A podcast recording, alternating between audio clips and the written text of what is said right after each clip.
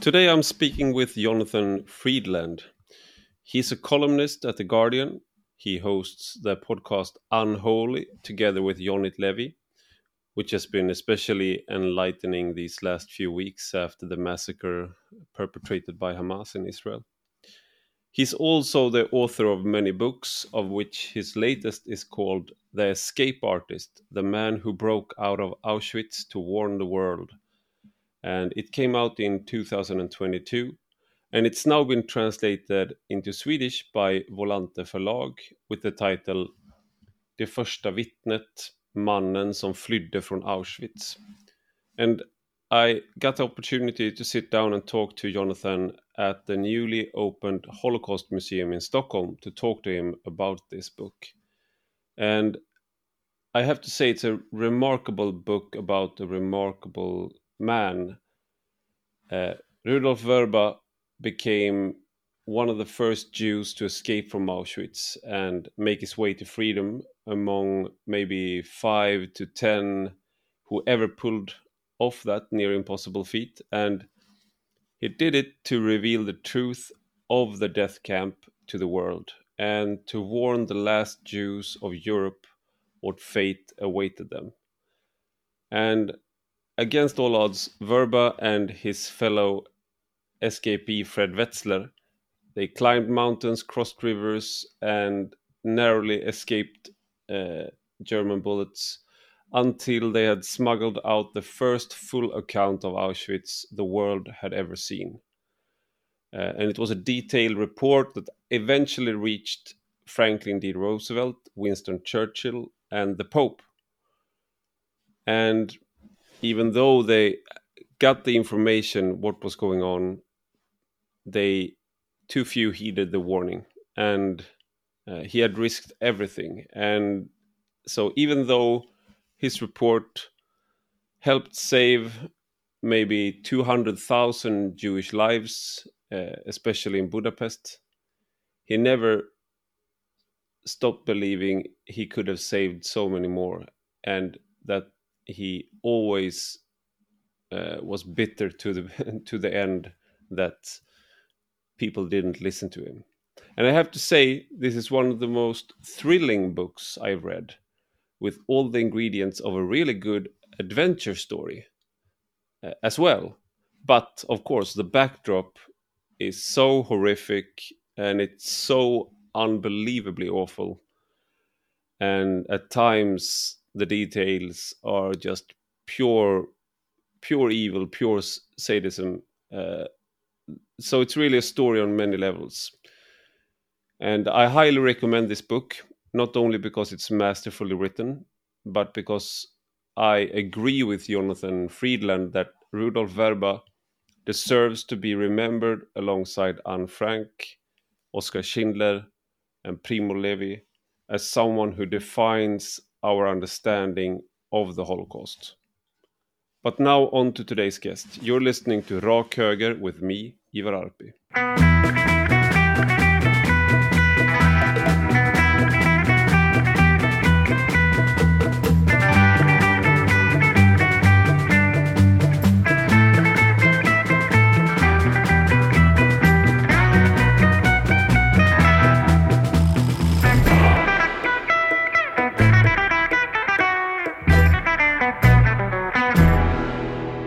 Welcome, Jonathan Freedland, to Rak Höger.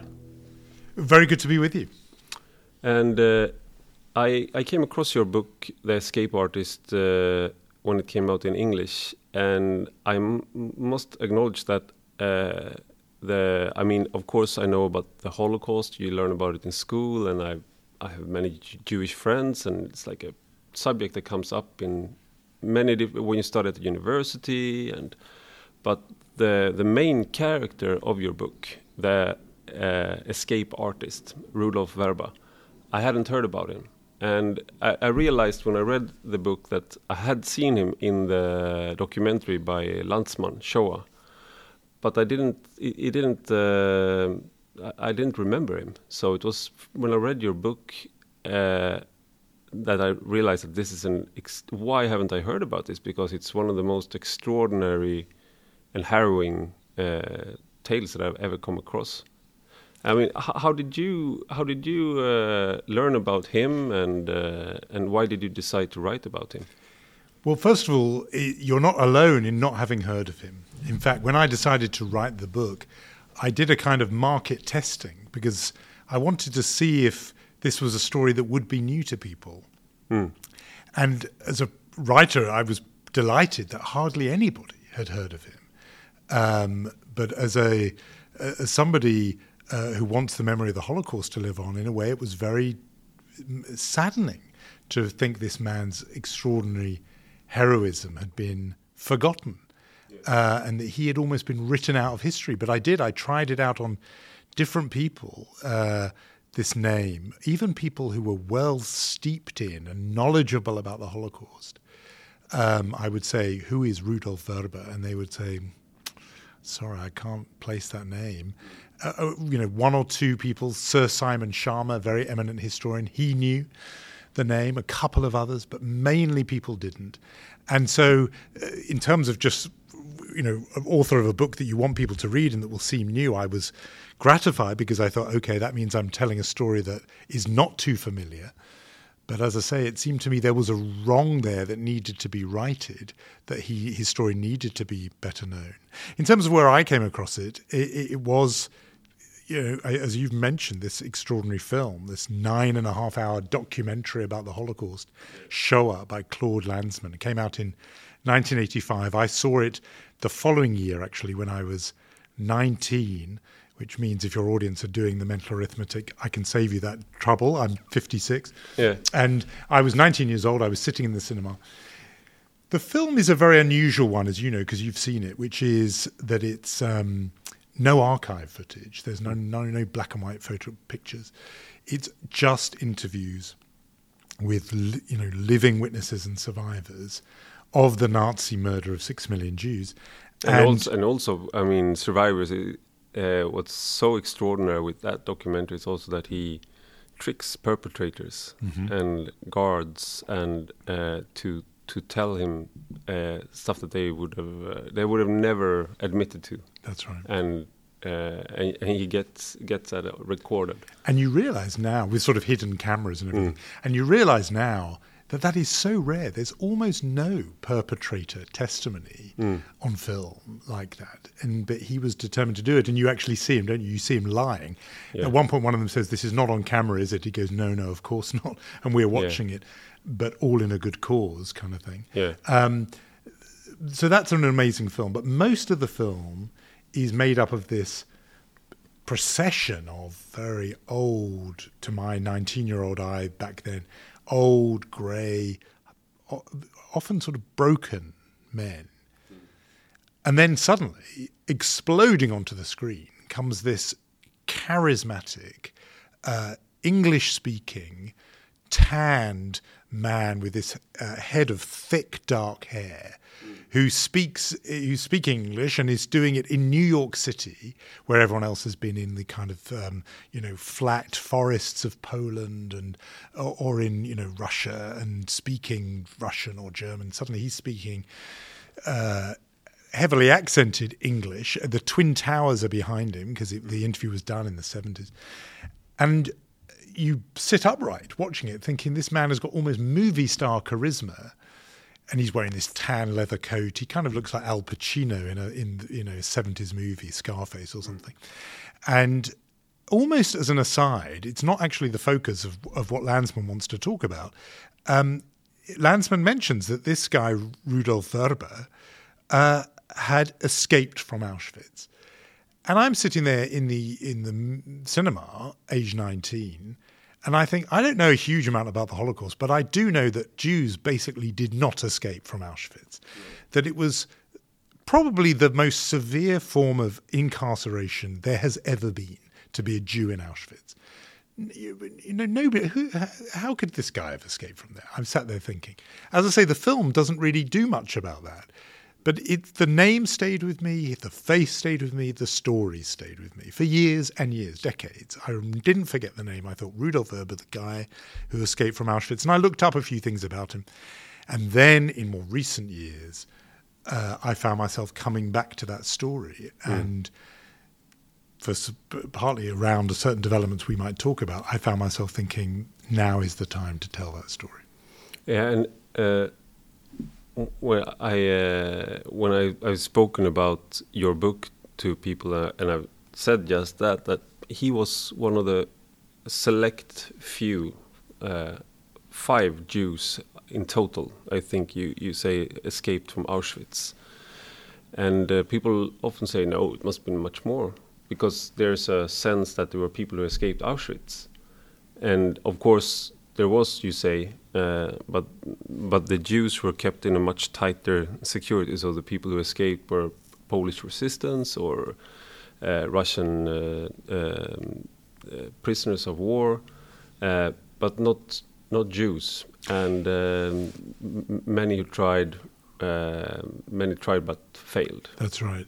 It's hard to be absolutely exact about the figures because there are some individual cases there it's very hard to classify exactly what happened with them and whether it sort of counts. It's certainly no more than 10. It's maybe five, it's maybe seven. It depends exactly how you count it.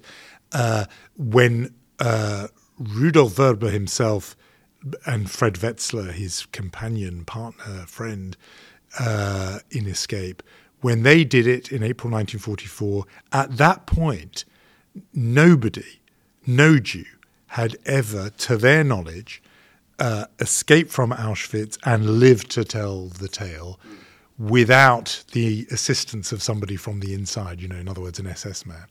Uh, so no one had done what they, as far as they knew, what they were attempting to do. Um, the, uh, the, the, the, as you say, there were escapes by Soviet prisoners of war, political prisoners from Poland, because the regime on them was much less severe. Uh, and there were, I mean, it was still severe. That's, you know, they Yeah. were in Auschwitz, but there were, there was scope for uh, escaping, and there was the figures suggest, you know, scores over a hundred. I think Polish pe- prisoners escaped. With Jews, you are talking, you can count them on the fingers. I think probably of one hand, maximum on two hands, Yeah. depending again exactly how you count it, uh, and who counts and who doesn't. Which is, you know, people argue about those things. Yeah. Um, but he, he, it's a vanishingly small category, uh, and yet he pulled it off. Yeah, you, in the way uh, I mean the the escape itself. If you just take the uh, the way they planned it, the way he he learned uh, what what you called escapology, uh, like the the art of escaping and uh, and all that. If you just take that part, it's sort of an adventure movie. It's one of the best uh, um, scripts for an adventure movie. And then you realize it's about the Holocaust. So you can't have like a cheerful, uh, uh, like funny slapstick or uh, like a comic comic relief sort of movie. But but if you just take that part, it's so uh, intense and exciting. But when he arrives, and he's one of the some people might uh, might not remember or have learned, but there's uh, most of the Jews coming to Auschwitz are immediately uh, put to death, but there are uh, a few selected and uh, to work basically as slave labor for yeah German companies and assist in the death mach- machine or industry that is uh, the death camp, and he's one of the people who uh, uh, is selected to work, and so he has a front row seat. Sounds uh, callous, but he sees all all these scenes of people coming from all over Jews from all over Europe, and he sees what's happening. And uh, but but what what is like he's he's only 17 when he's uh, uh, taken in, into the camps and what is his he has a realization and and that realization leads to he says in the in Shoah in the documentary that if I would just escape for my I mean if it was just an escape movie uh, for his own sake I mean that's a good good reason to escape to survive. But he has another uh, reason for it. But what, what what does he come to realize Yeah. this young man?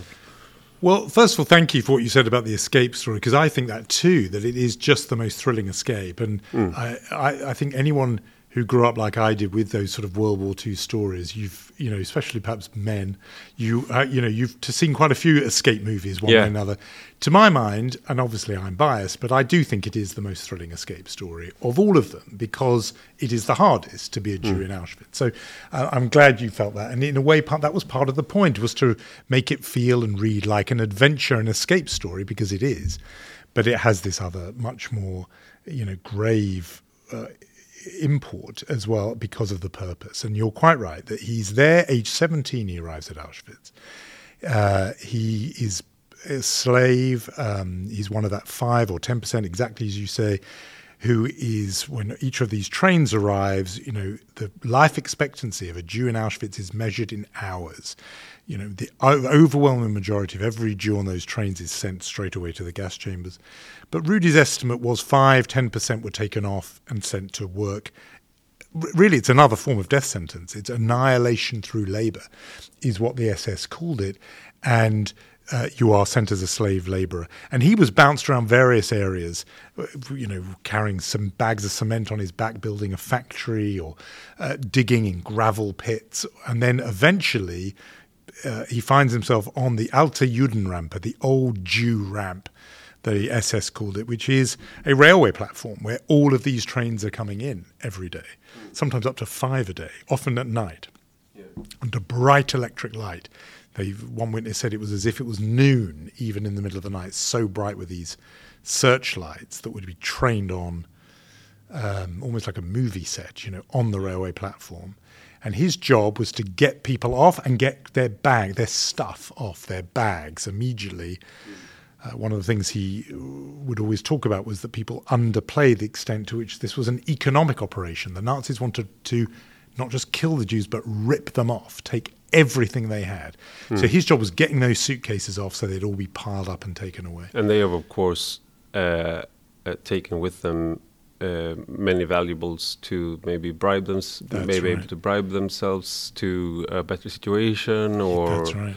So their their possessions. In fact, this had been his job before in an area that became nicknamed Canada, because Canada, in the Central European imagination of that period, was seen as a land of plenty where the streets were paved with gold. Hmm. So this area where all the stuff was collected did include, yes, pots and pans and bedding and children's toys, but also sudden, sometimes hidden in the hem of a of a garment would be diamonds, or you know a, a roll of dollar bills that would have been st- secreted inside a toothpaste tube because people did think this was money they might need uh, to um, to save their own lives or to or to um, to bribe themselves, as you say, into a better situation. But the the thing that um, uh, when he was working on that ramp, he actually witnessed these this process of selection night after night. You know, some most sent to the left where they were sent to gas chambers, some sent to the right where they would be uh, given. Uh, you know the uniform of a prisoner, the famous tattoo with the number, the number on their uniform to correspond to that particular transport, that particular train they were on, have their hair shaved and so on. But one important realization dawned on uh, Rudy as he was working night after night, really doing traumatic work. I mean, to see families wrenched apart night after night as he was seeing, he was very struck by the fact that everyone who got off this train would uh, line up in pretty orderly, calm fashion. And that was because, he soon understood, not one of them had any idea where they were. They did not know that they had arrived at a place that was organized for their murder. They all thought they were here to start a new life, that a new, admittedly relocated Jewish community was going to be formed. That's why they'd brought the pots and pans and children's textbooks and exercise books. They thought this is not what we would have chosen. We've been deported from our homes, but we have to make the best of it and start a new life. And they thought that because they had been told that every step of the way. And Rudy understood quite quickly, and I think with tremendously sort of penetrating insight. By now he's about 18. Uh, and I don't think others older than him had sort of, you know, cl- uh, understood with such clarity that this was a method. The Nazis needed the Jews to proceed through the system in a calm, orderly fashion, because if they didn't, if there was panic and they started stampeding and running and rushing, that would break down the whole system. As he would say in an interview later on, it's much easier to kill sheep than to hunt deer. Yeah. Meaning, if your victims are proceeding in neat columns into the slaughterhouse, you can control that. Yeah. If they're running on the hillsides and you have to pick them off with machine guns, that's that's slow and inefficient. And yeah, and a few uh, a few percentage points of the people might even get away. Mm which you didn't want because mm. even one person might get away and then tell others. And you need your victims to be ignorant. Mm. And the ignorance was not just a side thing. You know, I, like a lot of people, probably grew up with knowledge that, for example, the Nazis always said that the gas chambers were showers. Yeah. I think that people know that, that they were yeah. told they were getting a shower.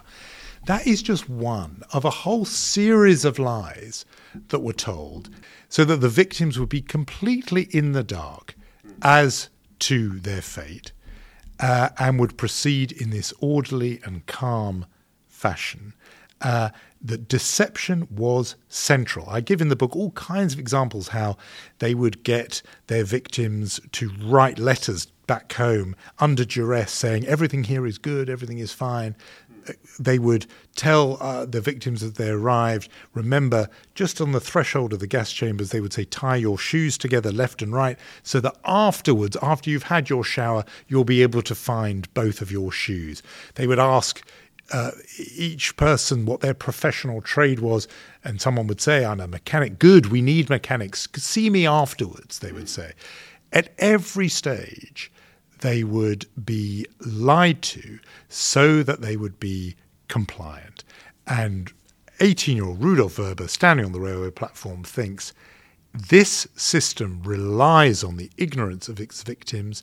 The only way this killing machine is going to be slowed down, I'm not saying stopped, but just slowed down, is if these victims are no longer ignorant. Somebody has to tell them what fate awaits them at the end of that railway line.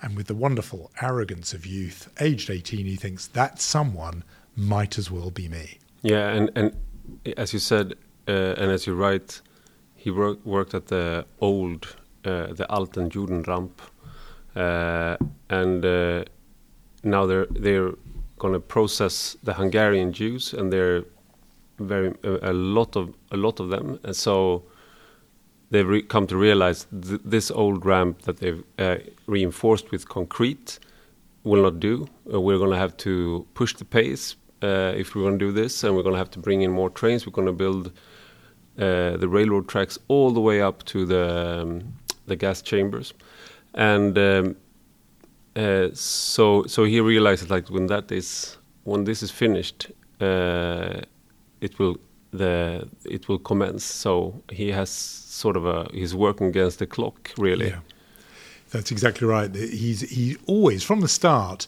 as you said about him being an escapologist, he was itching to escape. From the very beginning, he tried twice already, long before he got to Auschwitz. I describe all that in the book. So he wanted to escape anyway. But now he had a purpose, which was in order to warn the last Jews of Europe what awaited them. And now, finally, he absolutely has a deadline, which is, and an urgency to do it now, because word gets around the camp that they are waiting for the next group, which is the Hungarian Jews, as you say, some 800,000, maybe even more on some estimates. Uh, the last whole Jewish community of Europe that has been as yet untouched uh, and he, the rumor goes around that they're next. And as you say, they are building this extension of the railway line, a spur that will make the process so much more efficient because the victims will be taken to the very doors of the gas chamber. He sees all that and thinks, I've got to go now. But one thing that's, uh, in, in addition to this resolve, is he realizes very early on that he has to not just if he's going to do this, he cannot just tell the outside world, look, they're killing lots of people there. He almost, I think, realizes as a young man, people would be skeptical of believing him.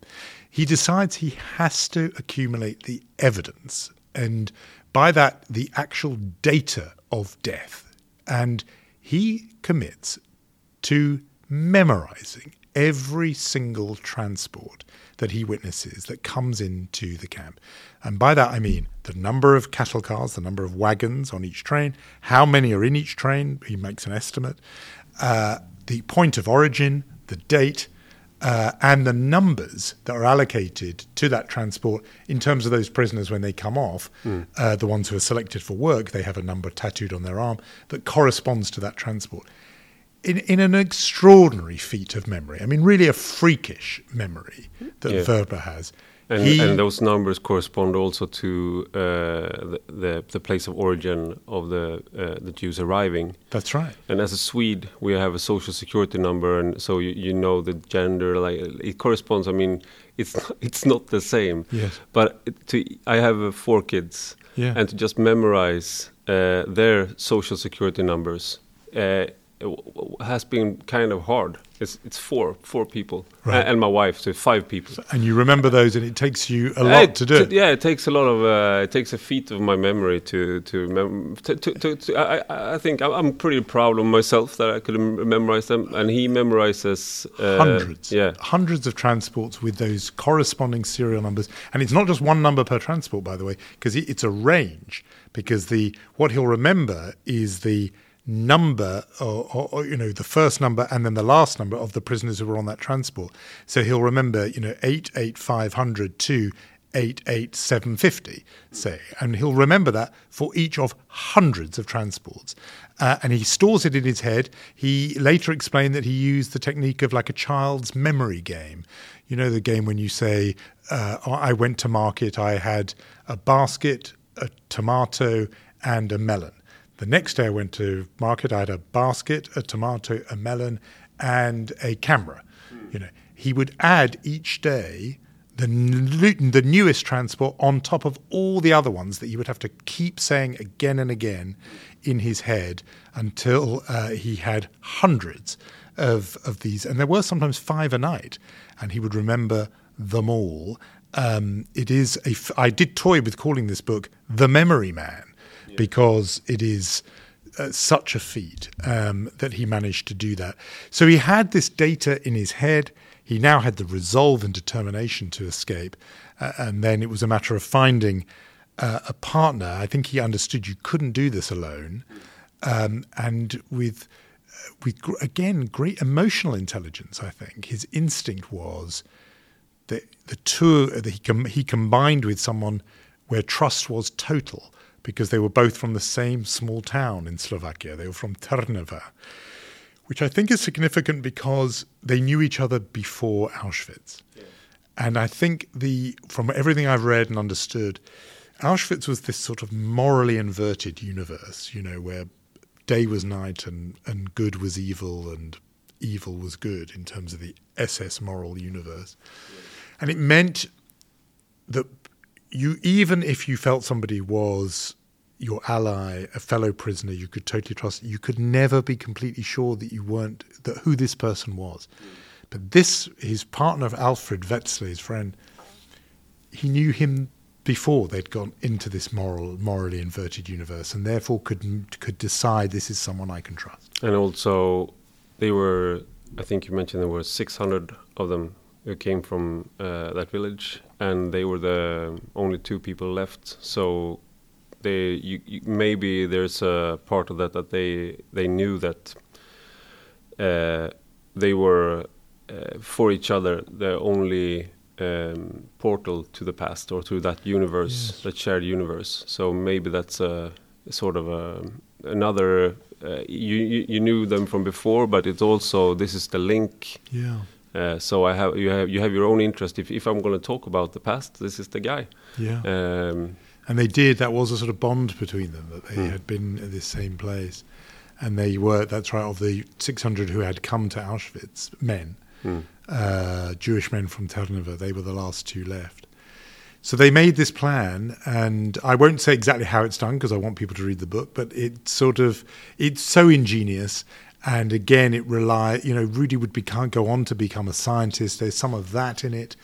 Um, required amazing physical bravery uh, and it did also require this rather ingenious insight, which was to realize that they, he, he had, in effect, he had sort of, sort of spotted a gap in the Nazi defenses. And it wasn't a mm. literal gap, it wasn't a physical, you know, there wasn't a hole in a fence or something. But he understood there was a weakness and, and, rather brilliantly, it was something that would the SS would have taken pride in, which was the very predictability of their own their machine routines and protocols. Yeah. He and Fred Wetzler and and a couple of other prisoners who helped them had realized you could use that against them, mm. uh, and so that's how they got out. It's uh, basically the most morbid computer game ever, where you like you realize the computer has a pattern and you can uh, outsmart it if you just wait there, do that, like. But there's uh, there's no bright colors in this computer game, and it's no. not a computer game. But then they they they they escape and and they have to cross sort of marshes, forests, and they only can only travel at night, and they haven't got. Uh, after a while, they haven't got any overcoats or no food left, and uh, and they have to uh, get out of Poland to. Uh, the goal is to get to Slovakia, and this is also part of the memory uh, feat is that he had a kid's map, a children's map, for a few minutes, and he memorized the map. How how he would like if there if he's going to escape, which route to take uh, to to Slovakia, which is his native country. So uh, if he speaks uh, in Poland, people re will realize he has an accent and he's probably an escapee and uh, but if he comes to Slovakia, it will be much harder to detect him because he has the he, he he's uh, it's his native language. Yeah. So. I mean, all of this goes to this point, which was that they had been warned in a way. Once you escaped Auschwitz, then your troubles begin.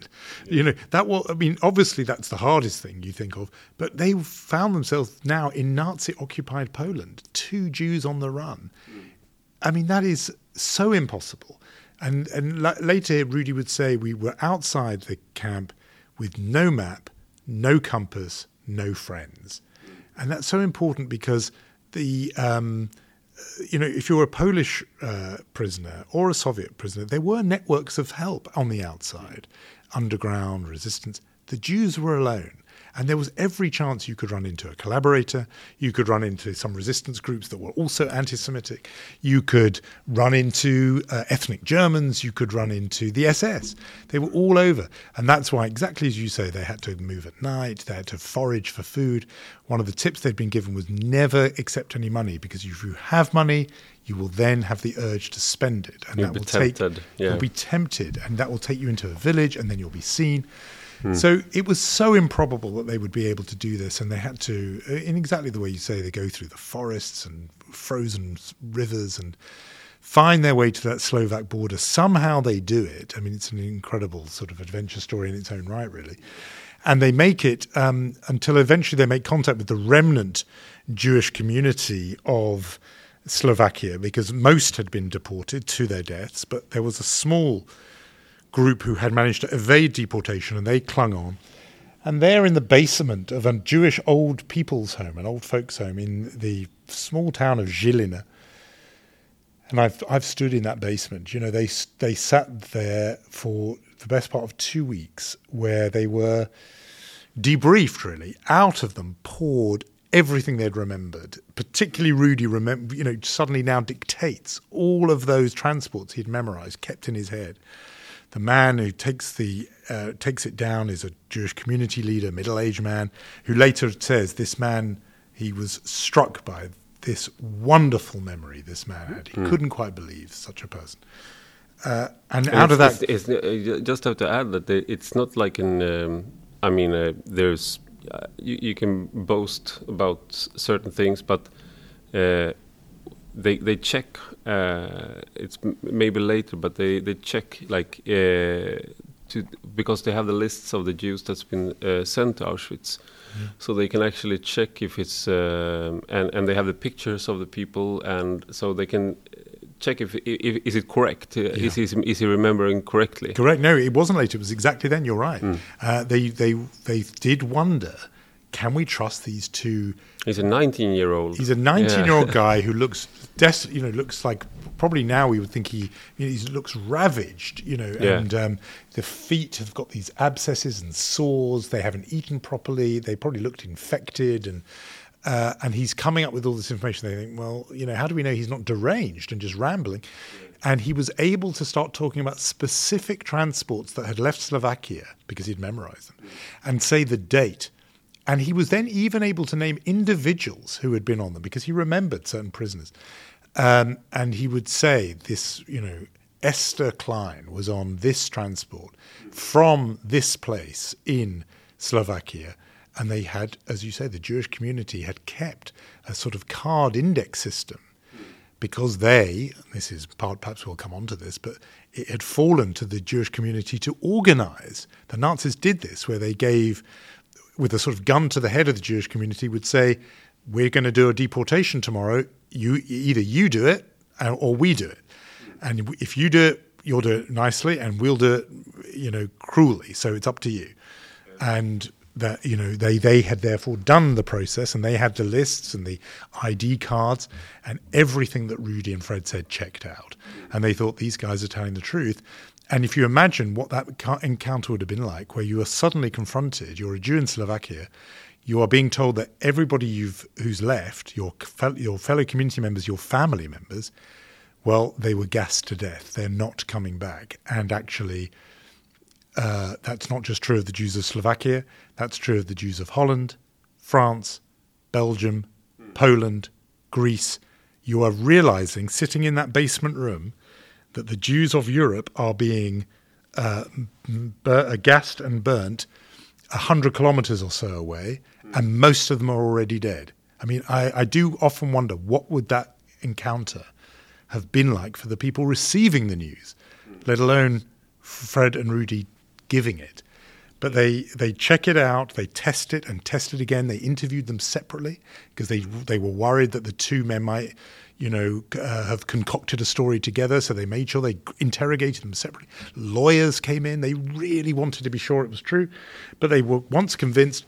It was typed up into a 32-page single-spaced report which is just packed with dates, times, and numbers of murdered Jews. And everything we now know about Auschwitz uh, is basically in there. I mean, you realize that this, this was the first full account of, these, of what was happening in Auschwitz Birkenau. And in some ways, it still holds up as an account. So we know there about the tattoos, we know about the hair shaving, we know about the gold extracted from the teeth of the victims. We know about the um, uh, you know the method of gassing. We know the fate of those who tried to escape. It's all in there.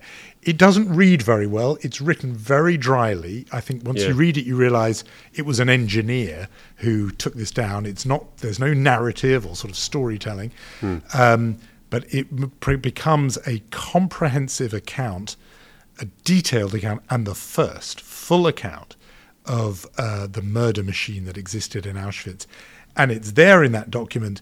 And in a way, Rudy and Fred have done what they were desperate to do. They've warned the world as they see it.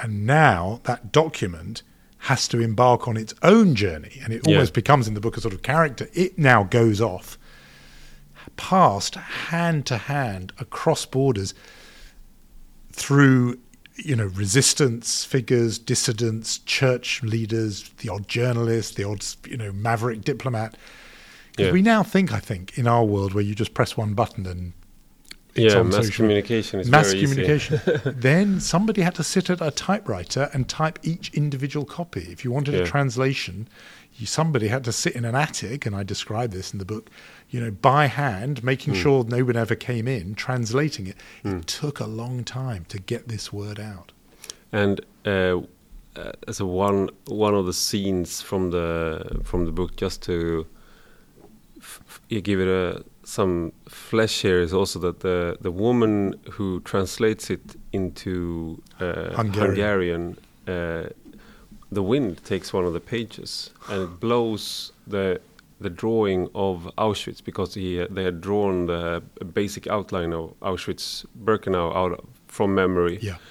And uh, so she's copying that, and that page is blown uh, away, and uh, it it hits the. Um, the uh, Fence. the fence, and a Nazi, German Nazi, walks by and picks it up. And if he, as you say in the book, if he had just looked at the page and seen like, what is this? This is so he had immediately would have realized that something is up and uh, the jig is up basically. Yeah. But he doesn't look at the page. He just hands it over politely and smiles and walks walks on. And it's just uh, there are so many times where it could have failed, but it didn't. But then the report reaches um, the top of. Uh, I mean, there. Uh, you know that it reaches uh, Winston Churchill, it reaches Franklin D. Roosevelt, uh, but it also reaches the Hungarian, um, the, the, top of the Hungarian uh, Jewish organization that's still there. And what happens then? Because this is something that later uh, haunts uh, Rudy. That's right. I mean, it, uh, just to sort of fill in on, on Roosevelt and Churchill, they get it. They by now, Jewish leaders have attached a plea to the report saying, "This is a factory of death. The railway tracks are the conveyor belt, Mm. bringing people in. Bomb the railway tracks." And there's discussion in London and Washington, and they don't. And um, they- Churchill says like to Anthony, uh, "Do this. Don't even discuss it. Just put my name on it. Like this is. Uh, we, we don't need to discuss. it, Just do it." But but it, it it ends up they don't do it because they. Uh, their main objective is to defeat the Nazis, and that will save. That will be the best uh, for the Jews anyway. That's it's right. basically the line of That's argument. basically the line. The air ministry in London says mm, we can't do this because we bomb at night. This requires day. Try the Americans. The Americans it gets passed, shuffled paper, to, you know, desk to desk. Uh, maybe we'll let's discuss this Wednesday. Actually, Thursday is better for me. Uh, delay, delay, delay. At this point, because of that railway spur that's been extended, and now the occupation of Hungary, the Jews of Hungary are being sent and deported to Auschwitz at a rate now of 12 to 15,000 a day. And yet the London and Washington are sort of umming and ahhing and, and dithering, and they don't do anything. Uh, and you know, historians will will debate till the end of time exactly why not and who's to blame and so on. but they're winning the war, so as The say, priority like, is uh, winning yeah, the war. Yeah. The priority is winning the war, and I, d- I think that's a completely legitimate line of defence that we had to first defend the war. I, I think the the counter argument is it would have been almost no diversion from the war effort at all. I mean, they were bombing sites three or four kilometres from Auschwitz, industrial sites. It would have required the work of 30 seconds to just divert a tiny bit and drop a bomb on those railway tracks. So I, I don't, my, that's my reading of it. There are other historians who take a different view, but the point is they don't act on it, even though uh, Churchill gives that direct order. The people who run the Air Ministry and the Air Force say no, and it doesn't go any further. But as you say, it does also make its way to the leader of the Hungarian Jewish community, a man called Rezső Kastner. Um, and this, remember, was the number one focus of Rudy and uh, and Fred in escaping was save the Hungarian Jews. And Rudy's view had always been, he, you remember, uh, he'd not been obsessed about bombing railway tracks. His thing had been just break through this veil of ignorance. Let them know. If they know, then what awaits them.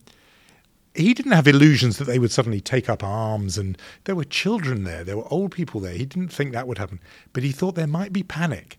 If they know that they're about to be gassed to death, they won't line up in orderly columns. They'll panic. There'll be chaos. There'll be a stampede on the railway platform. Good, he thought. That it will throw sand in the gears of the SS killing machine. So all you have to do is tell the people. Kastner gets this report. He reads it. He doesn't sleep that night on reading it. He's so disturbed by it. He goes to his the fellow members of the Jewish Council and says, "There's this report from these two young men uh, saying that everybody who's deported is gassed in Auschwitz."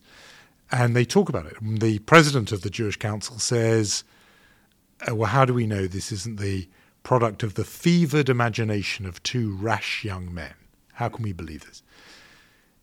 In the end, that group and Kastner decide not to pass on the warning to the Jews of Hungary. It goes into a desk drawer of Kastner's, never to be seen by the Jews of Hungary. And one of history's most ominous desk drawers. Yeah, yeah. What that just that piece, that thirty-two page document sitting in there. In that period, four hundred and thirty-seven thousand Jews are sent from Hungary. Overwhelming majority of them murdered in Auschwitz. And for Rudolf Vrba, that would be an, an obs- would become an obsession. It would haunt him. That thought of what if the, his warning had only been passed on. He believed that if Jews of Hungary had known, they would not have got on those trains. And, you know, you read the testimony of Hungarian Jews uh, on Jews in that area, including Romania as well, and they say, we did not know. We did not know what awaited us. And uh, for Rudy, that would be a crime in the in his eyes that he just could never forgive the failure to pass on that warning. Now we should say Kastner has his defenders. There are people who say there was very good reason for him not to pass on the warning. He was involved in his own negotiations with Adolf Eichmann, of the the architect of the so-called final solution. You know, uh, for for the, a senior ranking Nazi. They they were engaged in their own negotiations. Kastner's accusers say, yeah, he was involved in his own negotiations. That was to save, as he did, 1,684 Jews that he picked. Um, and the price, say his accusers, including Rudy, was to repress the knowledge that was contained in the Vrba Wetzler report. In effect, saving a tiny handful at the expense of 437,000 Jews. That remains a raging debate about Kastner. There are, as I say, there are some people who still defend him, but Rudy was convinced um, that he was he, he'd done a terrible wrong in failing to pass on his report. We should say, though, before we think this is somehow a story of total failure, that the report did carry on on its journey and did eventually, and I'm here biased, but thank God, made its way into the hands of a British journalist who published it, made sure it was there in the world's press in late June. I mean, two months after, more than two months after Rudy and Fred have escaped on April the 10th, 1944. But it did make it there. And that, the fact that it was suddenly public and knowledge of Auschwitz was public, meant that the Pope and Franklin Roosevelt both of whom had had the knowledge already and had seen the report. The report had made it to the Vatican and made it to Washington already.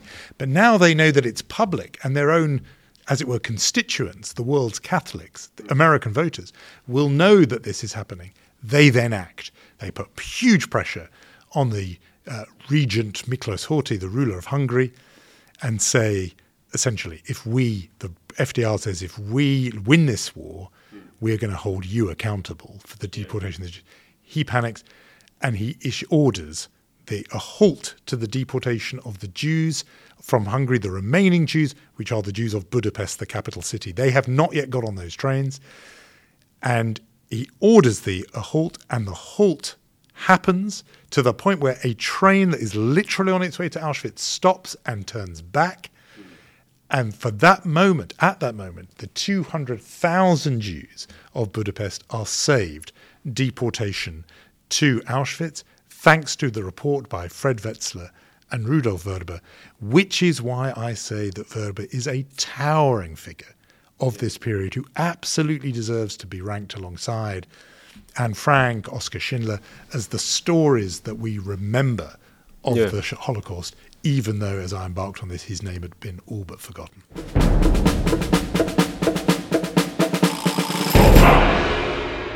One of the reasons, maybe, and you you, you, mentioned, you mentioned this as well. He's not um, when you approach uh, survivors of the Holocaust, especially you, we as um, uh, as a public yeah. sort of expect a saint, someone who's been uh, uh, achieved sainthood through suffering, uh, and we we we come to expect like uh, Viktor Frankl, uh, man's search for meaning. That's a I'm not I'm not trying to uh, belittle him or anything, but that's sort of a figure that we want. We want someone who uh, has been through the worst, been through hell, and been ennobled by it, and and that they they can somehow pass on that. Uh, uh, nobility of their soul to us, and that, so that if we listen to them and their stories and um, what they found and uh, like man meaning, search for meaning, or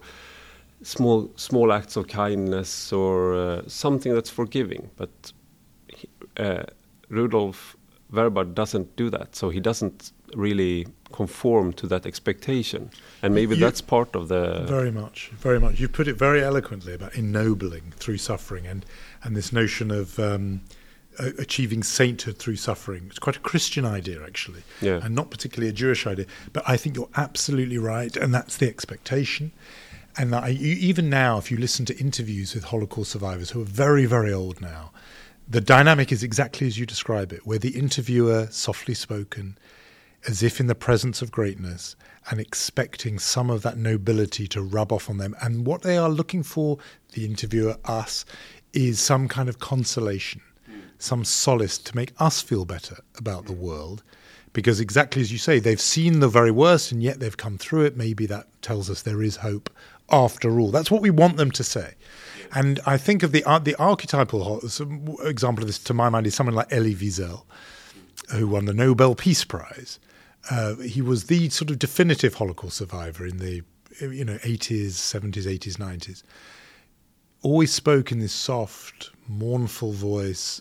It seemed like the conscience of humanity. You know, Rudolf Vrba was everything but that. He was uh, lively and angry and had this bizarre smile on his face when he would talk, which Claude Lanzmann says to him, you know, uh, what, what, why do you smile through all this? And he says, what, you prefer I should cry? yeah. Um, he's un, he unsettles people who talk to him. Chiefly, though, because he points this accusing finger at Kastner, at others in Slovakia, who's Jews, who he felt uh, didn't pass on his warning. He uh, he is ready to accuse the people who didn't act on his warning. All the people we think as the good guys in the story, Jews, uh, Churchill, other ho- Roosevelt, other Holocaust survivors, Other as well. Holocaust survivors. How did you survive? Well, this this is a big thing where he fell out with Fred Wetzler, his escape partner, because partly because Wetzler married an Auschwitz survivor. You would think that would be some kind of bond between them. Yeah. No, on the contrary, he's su- Rudy is suspicious of her. How did she survive Auschwitz? He says, as somebody Yeah. who survived Auschwitz, she must have had to have done something, some moral compromise. I mean, amazing thing to have that as his response. Yeah. So he's difficult guy, and he knows it. And I found this letter, which I really, uh, I, I read it sort of, I held it in my hands and, and read it twice over, thinking this is so telling. A BBC documentary producer wanted him to come on a TV show and um, talk about his experiences. And Rudy said, "I must warn you, I am not your cliched Holocaust survivor." um, what an amazing thing to say that there was to even to say there is such a thing as a cliched Holocaust survivor. Yeah, he saw that even. I mean, there it, it might be uh, clearer now, perhaps. Yeah. But at Not that then. time, it's um, it's very clear-eyed uh, and very. What would you say? No bullshit attitude. Yeah, and it's kind like- of it's very taboo breaking Yeah. to say to talk like that. You know, he Yeah. wasn't interested in all the kind of reverence and solemnity. Hmm. What he was interested in was anger. He was angry, and I don't think just this as a general point, and maybe it's addressed to people like you and me in the media, but when we speak to or encounter people who are victims of great trauma, I don't think we necessarily give them the space to be angry. We expect them to be forgiving, ennobled, as you say, saintly. And, you know, he lived in Vancouver the last 30 years of his life. He was a scientist, um, uh, uh, uh, taught biochemistry at the University of British Columbia in Vancouver. And in Vancouver, which has a very small Jewish community, really, every year they would organize a symposium for high school students on the Holocaust, and they would have a panel of survivors. You know, I don't know how many they had to choose from in Vancouver, but it wouldn't have been a huge field. And however many they had, they had they I can say with, with certainty they didn't have anyone who had as much to, of a story to tell as Rudolf Vrba, but they didn't invite him. And I spoke to the man who organizes that or organized that. And I said, you know, why did you not include Rudolf Vrba? And he said, because if you asked Rudolf Vrba to speak, you didn't know how long it would be before he would descend into accusations and rage. And high school students didn't want a Holocaust survivor who's going to start raising his voice and pointing the finger and shouting. He spoke once to the Jewish community of Vancouver, and people who were there said, uh, at a, sort of at some point during the speech, it seemed to change where he was no longer talking about the Jewish community of Vancouver. He was now talking about the Jewish communities of Slovakia, and he was sort of merging them, accusing them all of failing to do enough. And so after a while, it became when people would look at the list of potential guests, you'd think maybe not. No. And that happens long enough over decades and decades and de- decades. Eventually, you get forgotten. Yeah. And I think the very best chroniclers of the Holocaust knew how important he was. So Claude Lanzmann mm. seeks him out for his film. Uh, Sir Martin Gilbert, the late Martin Gilbert, historian, he sought him out for his books. W- one or two others. But otherwise, he was quietly dropped from the historical record because he was not conforming to the script. And um, I, I, th- I, hope if one thing is achieved by my book, it is that his rightful place. Is restored because now he's not around. Most of the other survivors are not around. The people who were offended by what he used to say, then it's it's not a matter of living reputations anymore. Now it's in the realm of history, and therefore I hope he can have uh, granted to him the place in history that he surely merits. Yeah, and it, it's um, he's one of the disconcerting things. Maybe it's because I'm I've turned forty, but you you feel like you're the main character of a movie when you're when you're young. Uh, and uh, especially nowadays when you can have like a soundtrack from Spotify in your ears while you're walking uh, through town, and you can uh, pretend that you're Bruce Wayne walking through Gotham City while you're just you're just walking to 7-Eleven to buy a piece of bread. Uh, and this story, you you have it's very easy to he he's so obviously a main character uh, driving a story and saving people and forcing the hand of others who don't want to act. He's so uh, but then you realize when you read this, uh, he is so extraordinary that if you the likelihood that you you yourself is Rudolf Vrba is so vanishingly vanishingly small. Yeah. Especially as a as a Swede, uh, I'm very good at queuing. We are we are very good at queuing in Sweden. I'm much more inclined now uh, and also when you have kids, you you don't want to risk them, so you always have like incentives to be well behaved. So I mean, if you would have written this book uh, 25 years ago and I would have read it, I don't think I would have made this uh, because I had no kids. I was young, uh, but now I feel like it's uh, uh, the adventure is there, but it's it's also like who who am I in this story? I'm the lamb uh, I, I would say, or or maybe I'm also maybe the Nazi uh, or somebody driving the train. Uh, but there are very few Rudolf Vrbas uh, around. You're you are completely right about that. That we want the fantasies that we'd all be that hero, and actually, if you're thinking clear-eyed and realistically and honestly, the chances are overwhelmingly that we would not be.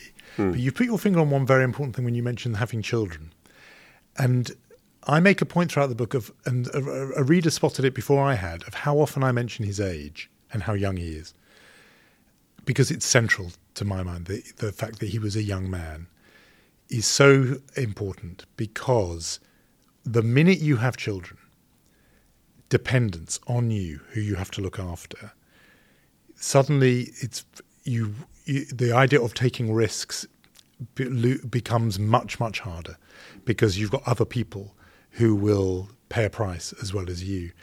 And the he understood that about himself. In later life, in his second marriage, he and his second wife did not have children. And one of the explanations he gave his wife is that he had had children with his first wife and he realized how vulnerable they made him. they he understood, I think, that once you have children, you are vulnerable. You can't take risks. You can't do. You've got something to lose. And as an 18 year old, 19 year old, he really didn't. He was able to risk everything. And here enters into the story a Swede. Hmm. So in Hungary was a man called György Klein, who would later flee to Sweden and become Georg Klein, an eminent scientist in, in this country. Uh, but age 19, another 19 year old in the story, he was working in the Jewish Council in Hungary as a very junior official. The, the body effectively headed up by Rezső Kastner, and he was shown a copy of the report out of the desk drawer. A rabbi who he worked for said, I'm going to show you this. You're, and then once you've seen it, you uh, can't tell anybody about it you know, apart from immediate family and friends, but no one else. And he showed him the report, and Georg Klein, as he then was, György Klein, Hungarian then, uh, immediately went to tell his uncle, older than him. And the uncle was so angry with him, he almost threatened to hit him. How can you say such things? This isn't true. I, I can't believe that. You don't start spreading panic. And he then told another relative who had a similar reaction. But when he told, he noticed a pattern. When he told young people, they made a plan to escape.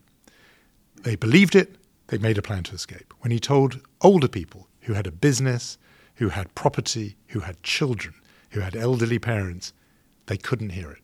Because the idea of having to give up everything and flee, it was too difficult. So there is something in that. And, and Georg Klein would then flee Hungary and did survive the Holocaust and made his way to Sweden and lived a very full and productive life here. And then late in life, he saw the film Shoah, he saw Rudolf Vrba talking and realized that must have been the man who wrote the report I saw in the desk drawer. And he made a journey to Vancouver to meet him and thank him. And uh, there's a fascinating encounter between the two men, late in life, now old, one saying to the other, "You saved my life." Um, but the crucial point is, the and in fact, they talked about it, and and Vrba said to him, you know, how angry he was that the report wasn't passed on, and Georg Klein said to him, "Please don't be angry. Learn from what happened to me. Apart from the young, no one would have believed it." Mm. I, I, can tell you that. Um, take it on trust from me. I tried. When people heard that warning, they didn't want to hear it. He was saying that to try and comfort Vrba. Hmm. Uh, but it didn't work. No, I, I, I, wouldn't imagine it would. Yeah. I, I, just want to. I mean, this is a. This story uh, is. Uh, uh we're not going to talk long about it because I, have taken much of your time, but of course we're speaking now on on Tuesday, twenty fourth. So it's been um, uh, a little over two weeks since uh, Hamas attack on Israel, and uh, we're also sitting in the Holocaust Museum here in Stockholm, uh, recently opened, and um, but we, we we have in in Sweden we've had um, lots of problems with uh, anti-Semitism, um, especially more, most famously in the south in Malmö, but. Uh, like it, it was the just just the the attack on the 7th of October. Uh, it was it's been uh, said it's the most deadliest massacre of Jewish people since since the Holocaust. Of course, it's uh, not comparable in scale, but the gruesome details um, and I mean, I'm, I'm not really sure what what I want to ask you, but uh, we often talk about learning from history and uh, it's you sound at least I, I used to think that I sounded smart when I said that hmm. but I don't know what it means really uh, so what, what what what is the what do you what is the takeaway here or is it hmm. just too too uh, much of an ongoing situation to have any takeaways it is hard to because we we are still reeling from it and mm. when I say we, I think everyone, but I do also particularly mean Jews around the world. Uh, it's the event that was not meant to happen after the creation of Israel. Um, Jews knew there would always be anti Semitism, there'd be attacks. But those hours when Jews were undefended in their own homes, suffering the most heinous, sadistic, cruel kind of violence, tortured when they were alive, mutilated once they were dead. These sit very deep in the Jewish memory. They predate, really, as memory, the Holocaust. This is what pogroms were like. Um, and certainly for those few hours, and there will be questions asked in Israel, and already are being asked about where the army was and why it took so long to come. But that, that has stirred a very a sort of uh, deeply painful memory for Jews uh, seeing that happen.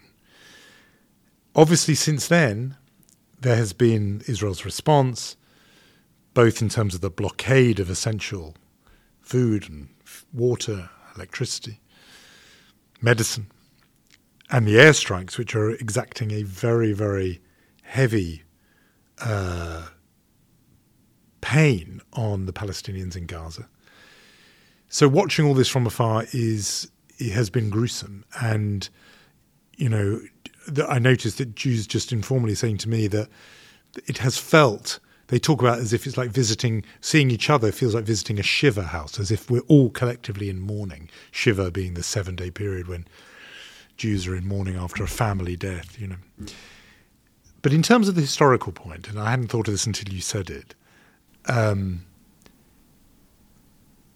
the phrase that was said after the Holocaust about learning the lessons from history. So the two-word soundbite that comes out of the Shoah is "never again." Yeah. The problem with that as a phrase is it means very different things to different people. For some people, it means never again will the Jews uh, be vulnerable to attack without the ability to defend themselves. Never mm. again will anyone send them into the abattoir like sheep. Mm.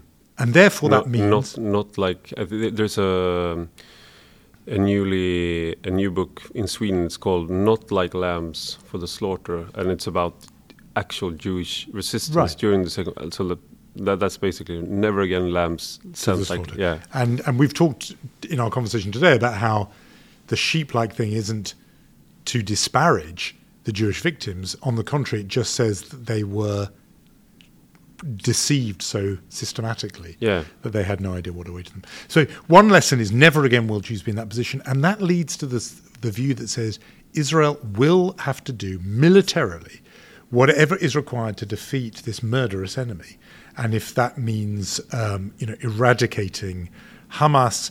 You know, f- and pulling it out from the roots, it will do that no matter what the world says, no matter how scandalized, you know, commentators are that's one lesson. Then there is another view that says the never again is never again must uh, any people inflict pain and suffering on another people, and sometimes this is adds to it. You, the Jews of all people, should know that better than anyone. Mm. And therefore, how can you, of all people, who have been through, referring back to what you said before, the ennobling experience of suffering, mm how can you inflict this pain on the uh, on your neighbours? And perhaps it won't surprise you to know that I, like I think any sort of conscious human being and any conscious Jewish person, moves between these two never again. Yeah. They live both of them within me. Mm. Um, the and and the, to be a Jew in the 21st century is to sort of walk this uh, tightrope between these two never agains, mm.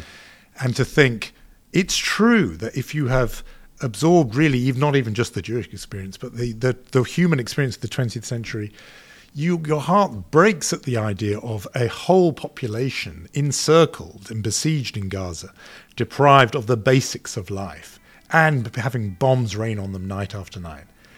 Mm. You have that in your heart. And simultaneously, you have in your heart the f- thought that Jews cannot, because we've done it and we, we're not doing it again, uh, uh, not have our, a, a, place of our own that we can defend hmm. and, um, uh, and a refuge. And it has to be defended. And if there are people who are willing to come across and murder babies and children and the elderly and rape teenage girls at a music concert, you have to inflict whatever uh, military might is required to disarm that threat. Hmm. And you know, the the the I, I can't I can't hear only one of those two hmm. things. I find myself pulled by both of them, and that's why what we're going through now is a is is it's awful for on every angle. It's awful for everyone involved. It's just horror upon horror. Thank you Jonathan Friedland for being part of Rak Höger. Thank you for having me. Och stort tack till er som lyssnar. Och detta är alltså en del av en större publikation på Substack med samma namn som podden och du hittar alltihop på www.enrakhöger.se. Och har ni några frågor eller synpunkter så tveka inte att höra av er på ivararpi substack.com. Vi hörs om en vecka igen.